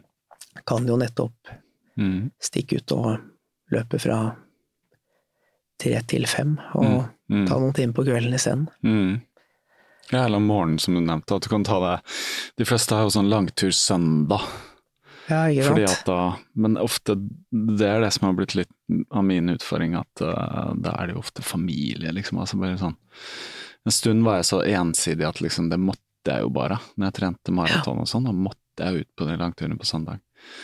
Men uh, jeg også har hatt dager hvor jeg bare sånn ok, i dag passer det at jeg bare stikker. Enten tidlig, eller at det blir litt sånn, tar litt sånn tidlig Ja, ikke sant? Og så er det mange som løser det med å stå opp grytidlig og liksom forløpt løpt et par timer før resten av familien eh, står Ja, opp. ja. Men etter etter ha hørt den forrige podkasten din om restitusjon og Ja. slike ting, så er det ikke nødvendigvis at det er sånn god idé på sikt heller. Så, eh, Nei, ikke hvis ikke man kommer seg sånn fryktelig tidlig i seng, Nei, da. Så skal du ha sju-åtte timer til de fleste her, så, så er det jo litt sånn Uh, Ja. Nei, jeg har for så vidt også likt å løpe om morgenen, men siste året har jeg Ja, har vel prioritert søvn. Hvis ikke jeg våkner av meg selv, så sover jeg til klokka ringer, så det er greit, det. Det er noen som setter på klokka og har masse morgenrutiner men for meg er det viktigere å bare være litt sånn uthvilt, egentlig. Da, da funker alt mye bedre. Så ja. ja. Men eh, ja, så det var litt av kunstnerskapet, kan hoppe litt, men eh, det jeg så at du løp nå som vi var så vidt inne på, Soria Moria verdensende, fortell om det løpet, Den var det vi skulle tilbake til. Ja, vi skulle tilbake det stemmer til det, ja. ikke sant? Mm. Um, dette var jo egentlig et sånn eh, løp som jeg hadde også hadde planlagt i fjor. Mhm. Og så ble det noe tull, så det skar seg. Men jeg fikk heldigvis bytta til i år. Mhm. Jeg hadde tenkt at det var et av mine sånn hovedløp i år, så hvis vi kan nevne etterpå, er liksom X-Raid, som er om, eh, Ja. nå om én uke. Mm. Eh, Så jeg var litt sånn, tenkte kanskje dette Soria Moria var liksom litt tett på å løpe så langt. Mm. En måned mellom. En måned mellom. Mm. Eh, Men igjen så tenkte jeg at ok, jeg kan jo bare starte, og Mm. så kan jeg se, og liksom ved det minste tegn på å bli sliten, Mm. så er det jo bare å stoppe. Mm. Um, Det kan man i hvert fall tenke. Ikke sant? Og så kommer man jo på start, og så er Altså, er Jeg elsker jo sånne startområder. Ja, Bare ja. masse sånne folk som ser eh, kjempesporty ut med flotte treningsvester og selvlysende klær, og Mm, alt er bare sånn Mm. kjempe, Alle er kjempegira. Tidlig om morgenen der Ja oppe. ja. og jeg også ble jo selvfølgelig da revet med, ikke sant. Mm, mm. Og så skuddet går og bare full av futt og bare oi, løper av gårde. Ja, ja, ja, ja. Så, eh, men, eh, men planen var egentlig å ta det ganske sånn Ta det rolig Mm. og se hva som skjedde. Mm. Eh, Fant jeg en liten sånn gjeng, som man Mm. ofte gjør på de der lange løpene. Så det er sånn supertrivelig. Mm. Og sånn småskravle litt og Mm. løpe litt sånn fram og tilbake. Og kjente jo egentlig at det gikk liksom litt fortere enn jeg hadde planlagt. Mm. Men samtidig så kjentes det som et ganske sånn bra tempo. Mm. Så um, fortsatte egentlig bare. Um, har Altså, jeg vet dette gjelder kanskje mest sånn for eh, Noen har sagt at eh, på et sånn langt løp, ja, du kan jo like gjerne begynne fort. Mm. Du kommer jo til å bli sliten før eller siden uansett. Ja. Mens andre har sagt eh, ja, du kan ikke starte rolig nok. Mm. Så det er liksom to forskjellige måter å Mm. starte der på. Men eh, gikk nok litt fortere enn jeg hadde planlagt, i hvert fall. Men uh, god flyt og kjempespennende eh, altså løype til å begynne med. Vi var jo oppe på Kolsåstoppen og Mm. eh, ja, flere andre fine steder. Så eh, Er det mange sånn checkpoints der òg? Er det eh, man det er Hvordan funker det? Det var flere enn jeg var vant til. mm. Eh, Så det var vel ca. ja, par-tre mil Mhm. mellom hvert, da. Mm. Og så var det veldig deilig sånn halvveis på Hanekleiva, det vel det heter, mm. hvor du kunne ha sånn dropback med noe Mhm. tørre sko og Mm. sokker og sånne ting. Her også så begynte det jo i regnvær, så det var jo liksom Ja, det gjorde det, ja. søkkvåt Ja. eh, de første fire timene. Ja. Noe som passet meg helt utmerket. Okay. Jeg foretrekker faktisk å løpe når det er litt sånn kaldt og kjølig, kontra Ja, solsteik. Men eh, Og du har vært igjennom Madeira, så det, det er ja da, liksom Du er blitt herda. blitt, jeg ble herda, ble herda her. Og et Ja. par andre løp også som har vært eh, helt sånn pyton der. Og jeg Ja. veit at eh, så lenge det ikke blir to varmegrader og jeg løper i singlet, så er det Ja, ja. ok. Det handler om det. Nei da, hadde, hadde en kjempefin tur, og um, eh, møtte jo en kar der som heter Rikard Tollefsen. Eh, Mm. han må jeg si hei til. Han er fantastisk eh, fin fyr. Eh, vi bare fant sånn skikkelig bra tonen. Eh, bare gassa rundt og um, prata tull og tøys. Um, jeg stoppet uh, lite grann, han løp av gårde. Uh, jeg tok han igjen. Mm. ja, sjekkpunkt, jeg løp av gårde, han tok meg igjen. Hørte sånn klakk, klakk, klakk, hørte jeg staven hans bak meg, jeg visste Ja, at ja, han Ja. eh, tok meg, så var det bare sånn supertrivelig. Vi pusha hverandre på en helt sånn der fantastisk bra måte. Eh, så når vi kom til Drammen, så var det vel noen som sa at vi var på sånn 15.-plass, eller noe sånt. Jeg, altså, jeg fikk jo helt sånn sjokk. Jeg har jo alltid vært vant til å løpe litt sånn godt bak i feltet. Mm. Hvor mange er det som starter? Eh, jeg lurer på om det var 120 som var til start. Mm. Så, um, mm -hmm. så um, Men altså, igjen, jeg Det der med liksom plassering har egentlig aldri betydd noe for meg før. Mm. Eh, men jeg syns det var liksom litt sånn gøy, men så samtidig så ble jeg litt sånn Shit, femteplass, det var jo veldig, veldig langt foran. Det, dette kan jo umulig gå bra til mål. Mm. Jeg var nesten, nesten litt sånn der stressa. Samtidig så var det litt sånn gøy, for en gangs skyld, altså fordi at jeg nå har løpt flere sånne ganske lange løp, Mm. uh, hvor jeg vet at jeg har Vet at jeg kommer i den der bølgedalen hvor alt føles dritt, og jeg vet at jeg kommer opp igjen Mm. og får det ok igjen. Mm. Jeg vet at det går sånn og sånn, så det var egentlig gøy å bare teste og pushe litt grann hardere Mm. enn jeg har pleid å gjøre. Og se at det funker, da. Mm. Hadde jo hele tiden litt den der tanken om at det kanskje ikke holdt. Men vi fortsatte. Mm. Og han Rikard og jeg, og da er det en annen eh, hyggelig kar også som jeg ja, løp fram og tilbake med.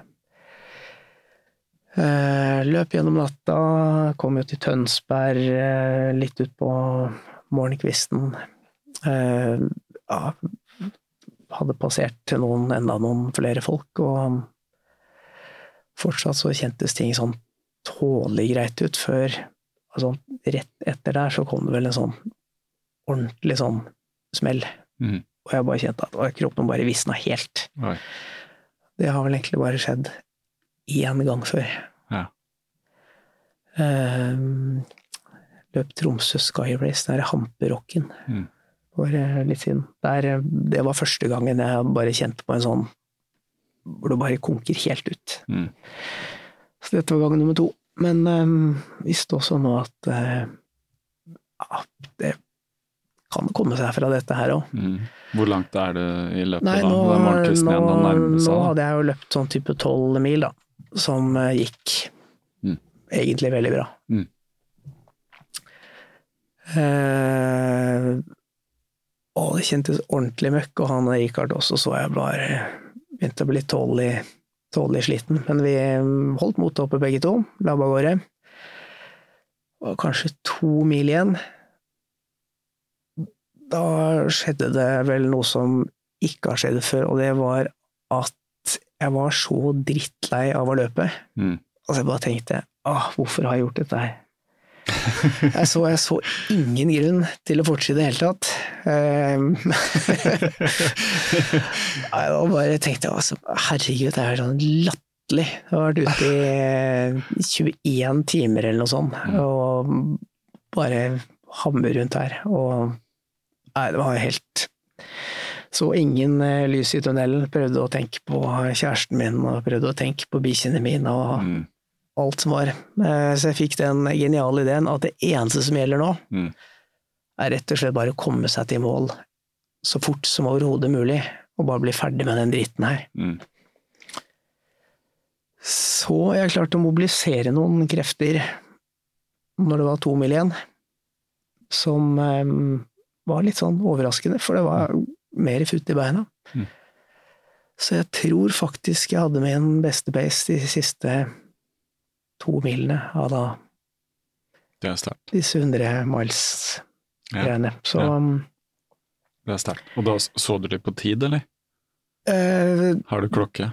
Tar du deg recorder, holdt jeg på å Ja, si? ja, ja, da, jeg Ja, ja. ser på tid og Ja. klokke og sånne ting. Eh, Han eh, godeste Richard begynte jo um, sånn når det var et sånn par mil igjen og så gire oss opp litt på at det var liksom kanskje klarer det under 24 timer, hvis vi liksom speeder opp litt. Mm mm. Um, Hvis det du også- en sånn motivasjon som er liksom Ja.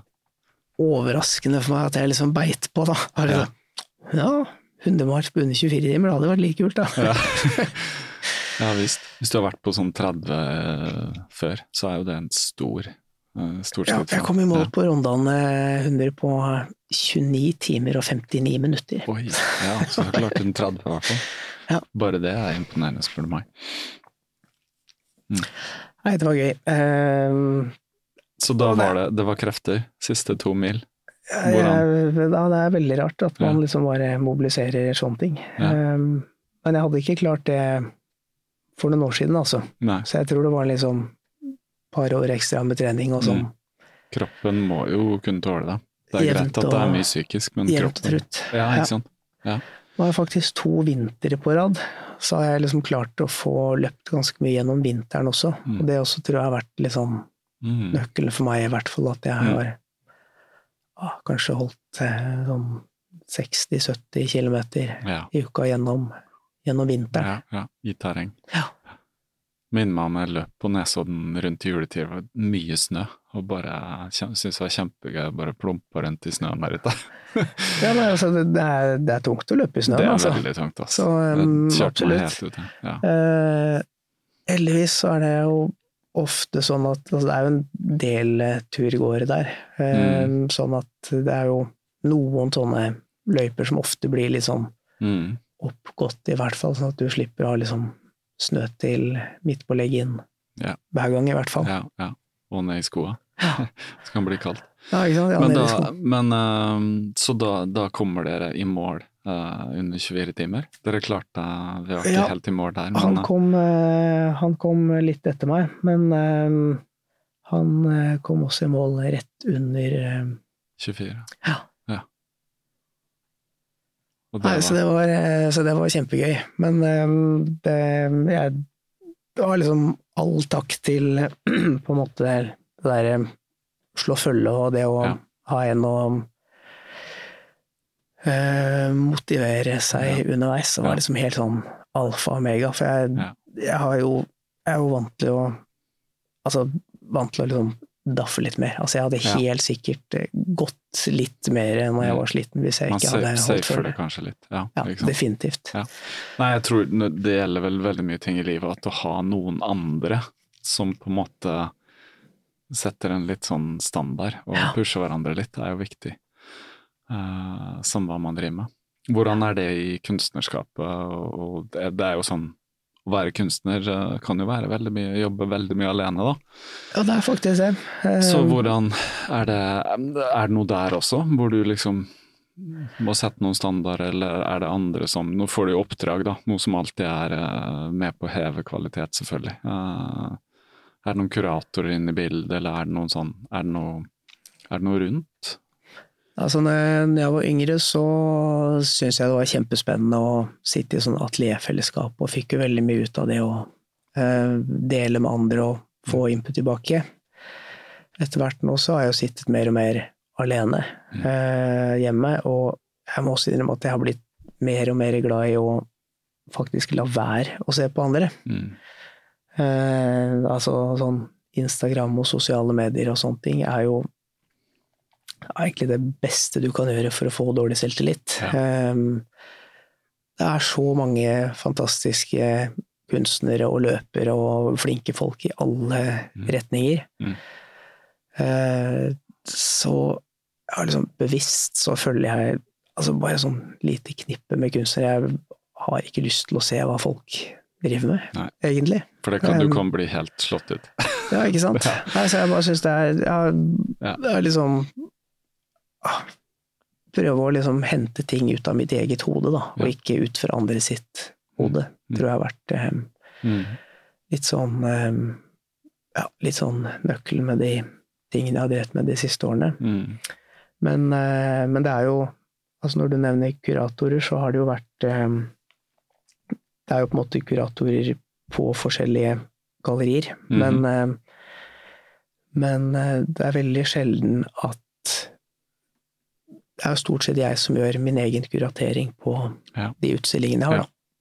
Så de ser med på helheten at de vil ha deg som kunstner. Ja, uttrykk, det er jo det at ja, man blir valgt inn som den personen man er, og det arbeidet man har gjort først. Ja. Så ser man jo på en måte selv, du, du kan jo sikkert også skille hva som er godt og mindre godt, da, for å si det sånn, etter hvert også. Etter hvert så får man jo litt trening i det, Mm. men, um, men det er liksom merkelig hvor usikker man blir allikevel, da, Mm. som, som kunstner. Altså sånn når man ser sine egne ting. Det er alltid veldig sånn sårt og rart og åpent når man har Mm. utstillingsåpning, og Mm. altså, kommer en hel haug med folk og skal titte på arbeidet ditt, og eh, Mm. eh, føler seg veldig sånn naken. Mm. Og eh, jeg, jeg blir fortsatt veldig sånn overrasket når noen kjøper arbeidet mitt, og liksom. Wow, jøss. Mm. Jeg har sånn stor glede over at noen Mm. liker det du holder på med. Mm. Ikke sant. Ja, men det er gøy. Og nå, du nevnte, hva er neste H gamle prestegård? Eh, Er det det gamle prestegård Ja. er, eh, er neste. Men det er på Vestlandet, ikke sant? Du, det er nede på Jæren, eh, Ja, ja. litt Sør litt sør for Stavanger. Men kult. Eh, og framover så har du Du nevnte X-Read.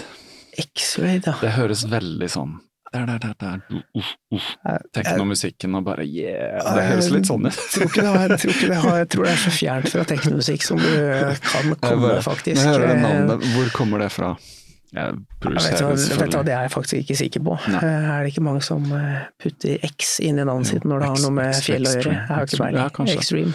Jeg har hørt om det. Eh, men det er et sånn Det er et kjempekult uh, konsept, uh, nettopp fordi de bytter eh, plasseringen av løpene hvert år. Nettopp. Det syns jeg er helt sånn utrolig kult. Um, de har holdt på i mange år, og det har stått liksom på lista mi over ting jeg har hatt lyst til å gjøre. Uh, så i fjor så var jeg da med på uh, X-Raid Femundsmarka. Ja. Så det startet på Røros, Mm. og var ca. 120 km gjennom Femundsmarka og tilbake igjen til Røros. Mm.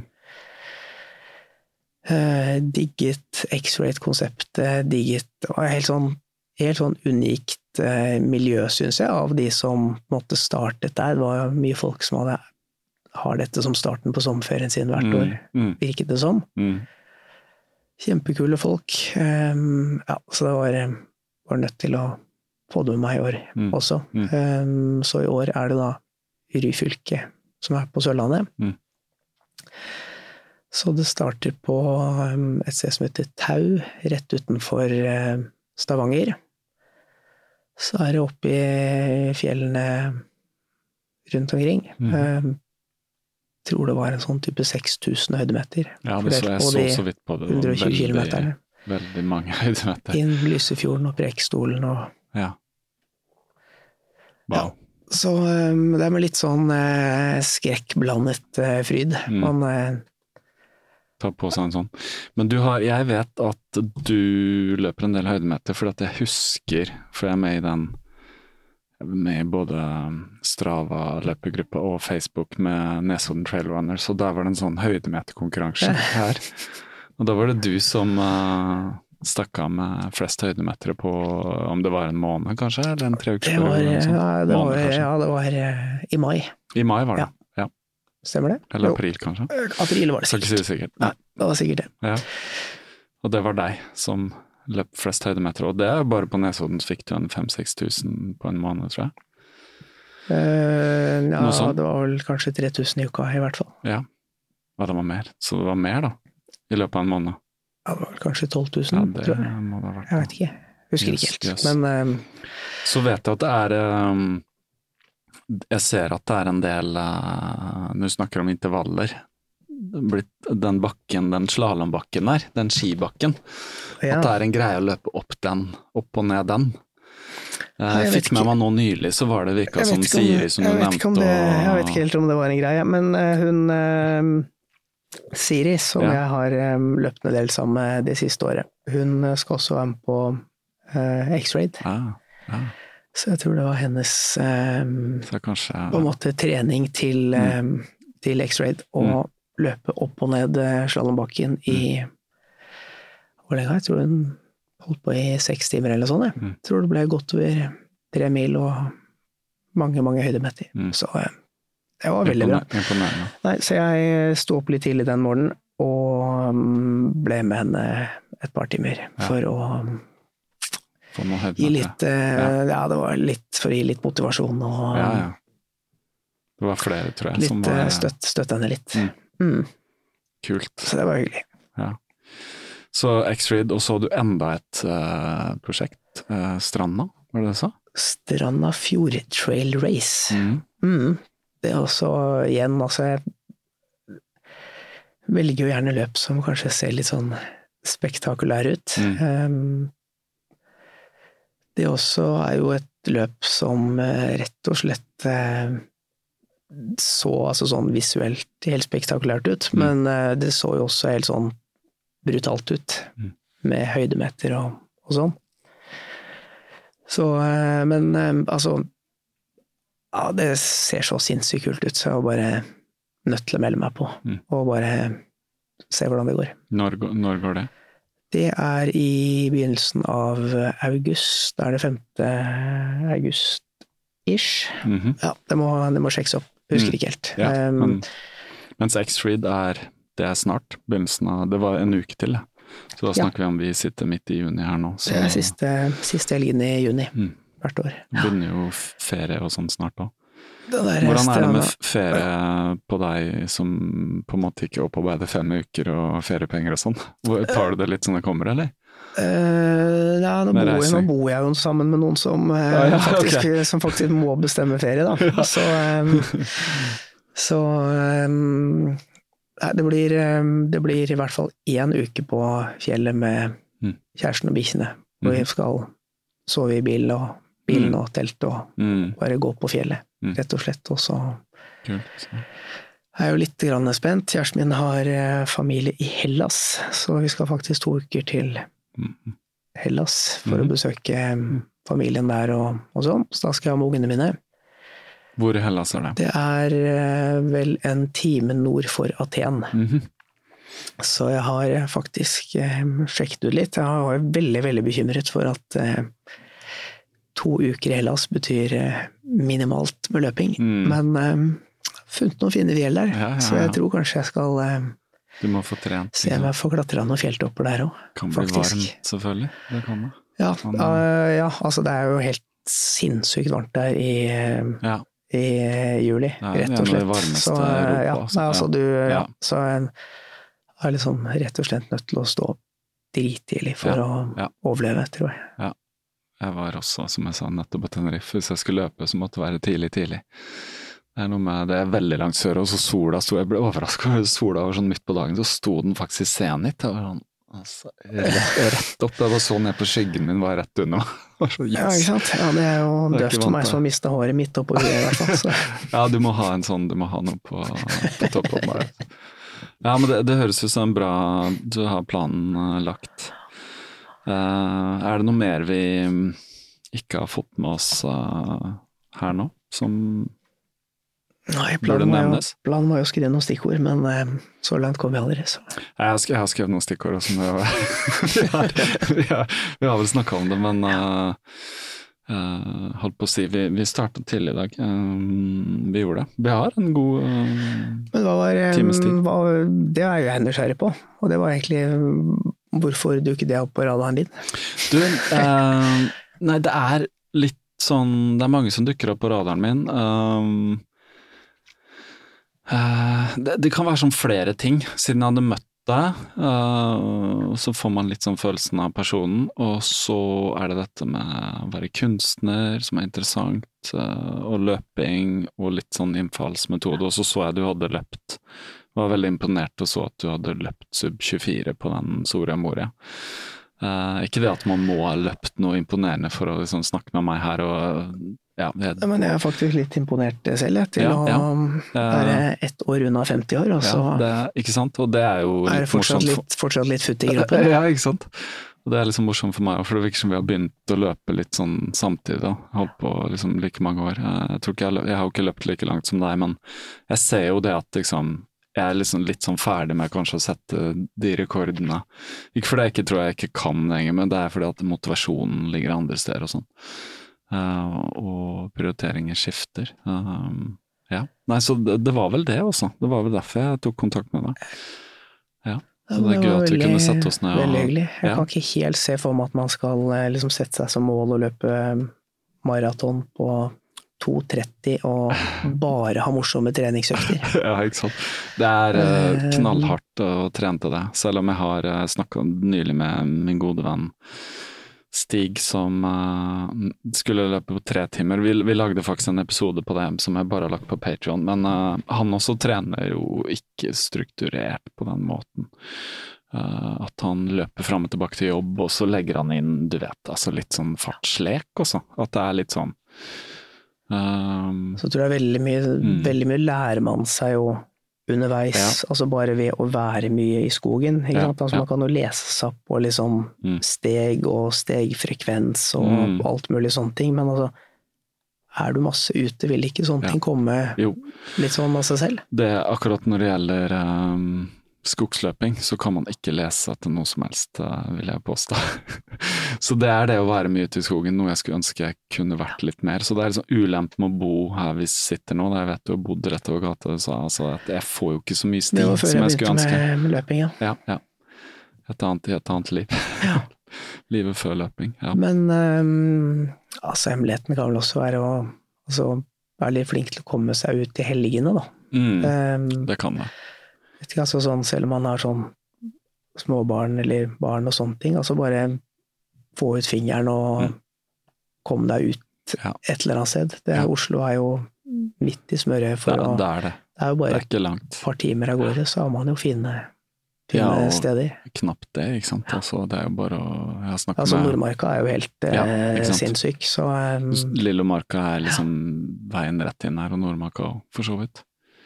Så det er jo Ja, men det, for meg så blir det jo en del sånn at det blir mest i det sommerhalvåret, da. Og så er jeg på Nesodden om sommeren, gjerne i flere uker i strekk, og da får jeg mye så nå må vi jo, nå må du vise ja, meg noen stier altså, der, da.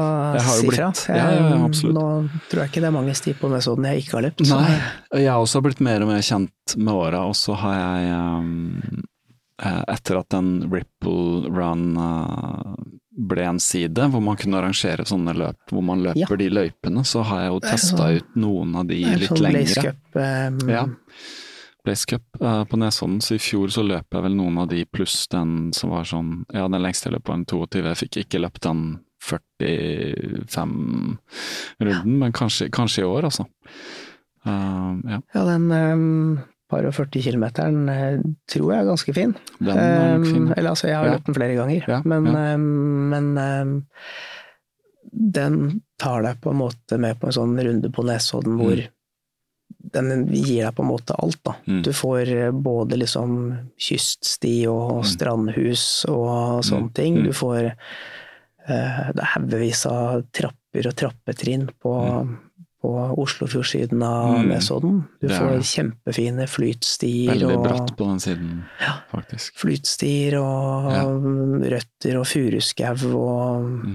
på andre siden så får du mm. helt motsatt, hvor du kommer mm. inn i eikeskog og mm. mer sånn myk løvbunn og mm. svaberg og ja, Det er egentlig veldig, veldig variert, ja, veldig variert. terreng, så det er kult. Veldig øde også på midten når du kommer litt sør. Det er liksom, ja. for, liksom forbausende hvor øde det er. Og jeg har løpt også, plutselig var jeg midt inne på sånn gårdstun og masse bikkjer og wow, liksom. Jeg bare hei, unnskyld, jeg skal bare gjennom her. Det var en, en også jeg løp hvor jeg kom hvor det var sånn faktisk, det er første gang jeg snudd hvor det var en sånn privat, veldig sånn privat uh, eiendom-greie, da. Så ja. Nesodden har mye. Mye forskjellig. Ja. Er du på Tangen der, så er det jo veldig sånn boligstrøk og nært båten og sånn. Også. Ja, definitivt. Men mm. um, det er jo altså Du trenger ikke å løpe mye på vanlig vei for å få en Altså Jeg hadde lagd en løype for litt siden som var altså den var 50 km eller noe sånt. Mm. Jeg måtte vel kanskje krysse veien tre steder eller noe sånt. Mm. Eller så får du løpt bare på sti. Ja. Ja, det er mye sti der, det er fint. Da havner jeg nesten til Drøbak, men altså det er, ja. det er, jo masse svære, fine skogsområder der. Mm. Ja, det er det.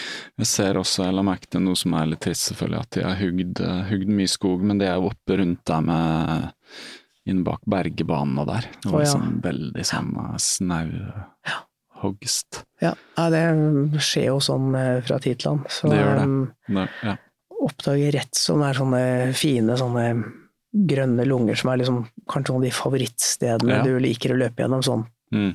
det punktet du gleder deg til Mm. å løpe, og så plutselig en dag så er det liksom snausa ned. Ja. Men um, Det ja, så vokser, veldig opp igjen, og så Ja, det gjør kommer det, det men noen det føles bare så brutalt, da.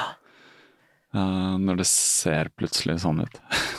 Ja. Ja. Samtidig, jeg klarer å, hvis man klarer å liksom snu det litt, og et par av de der hogstfeltene er jo faktisk noen av de litt sånn åpne stedene hvor, hvis man løper litt sånn tidlig, kan Mm. oppdage altså sånn spennende dyr og Ja. Altså det er mye ting som Mm. skjer i de hogstfeltene også. Så Mm. Ja, nei, det er sant. Det er alltid forandring. Ja, men kult. Da, da ses vi sikkert på Nesodden i sommer, bortsett fra når du er eh, cool. på ferie. Eh, så takk for at du kom. Og Jo, lykke til med, ja, og lykke til med X-Read. Uh, skal følge deg. Du er kanskje på Strava. Finn deg på Instagram og Strava hvis uh, Ja, det er noe Strava- Strava-opplegg, ja. ja. du logger det, logger det i hvert fall. Ja. Ja, jeg, ja, jeg logger Strava syns det er gøy å se sånn cirka hvor mye jeg løper. Men det er omtrent det. ja, ikke sant. Ja, men takk skal du ha, Lars. Cool. Takk, takk. Ha det. Hei. Det var uh, Lars Aurtande og meg her i Tid og Lyst sitt studio på Grünerløkka i Oslo. Det er et uh, flott studio å spille inn i. Uh, dempet og isolert som det er. Tusen takk til Pia Pedersen, som driver Tid og Lyst, og huser også nå Kaptare-podkast. Um, Det blir en episode til før jeg tar ferie med min familie i begynnelsen av juli. Har en avtale i slutten av denne uka som jeg nå sitter her. Håper det går i boks. Uh, Så har jeg også en episode allerede lagret som trengs å settes litt mer inn i kontekst. Den blir på engelsk, uh, faktisk. Jeg skal komme tilbake til det. Det er fra en av mine reiser som jeg nylig gjorde til Spania med en mann som eh, absolutt kan løpe, og har løpt blant annet Marathon de Sable, men eh, det skal handle om litt andre ting. Eh, så inntil videre, ta vare på dere selv, nyt sommersolen. ha fin ferie til alle som hører dette i ferien. Legg fra dere telefonen, feeden, ta fram en god bok. Les og bare drøm dere bort, og så høres vi av snart igjen.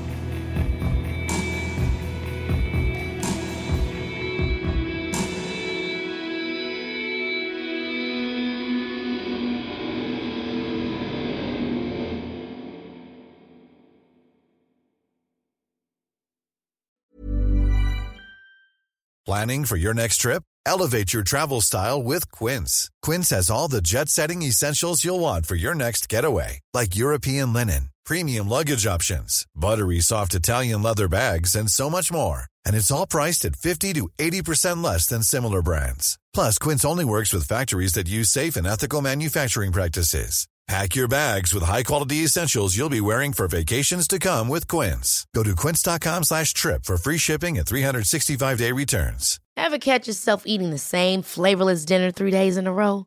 Dreaming of something better? Well, HelloFresh is your guilt-free dream come true, baby. It's me, Kiki Palmer. Let's wake up those taste buds with hot, juicy pecan-crusted chicken or garlic butter shrimp scampi. Mm. Hello Fresh. Stop dreaming of all the delicious possibilities and dig in at HelloFresh.com. Let's get this dinner party started. Planning for your next trip? Elevate your travel style with Quince. Quince has all the jet setting essentials you'll want for your next getaway, like European linen, premium luggage options, buttery soft Italian leather bags, and so much more. And is all priced at 50 to 80% less than similar brands. Plus, Quince only works with factories that use safe and ethical manufacturing practices. Pack your bags with high-quality essentials you'll be wearing for vacations to come with Quince. Go to quince.com slash pack for free shipping and 365-day returns.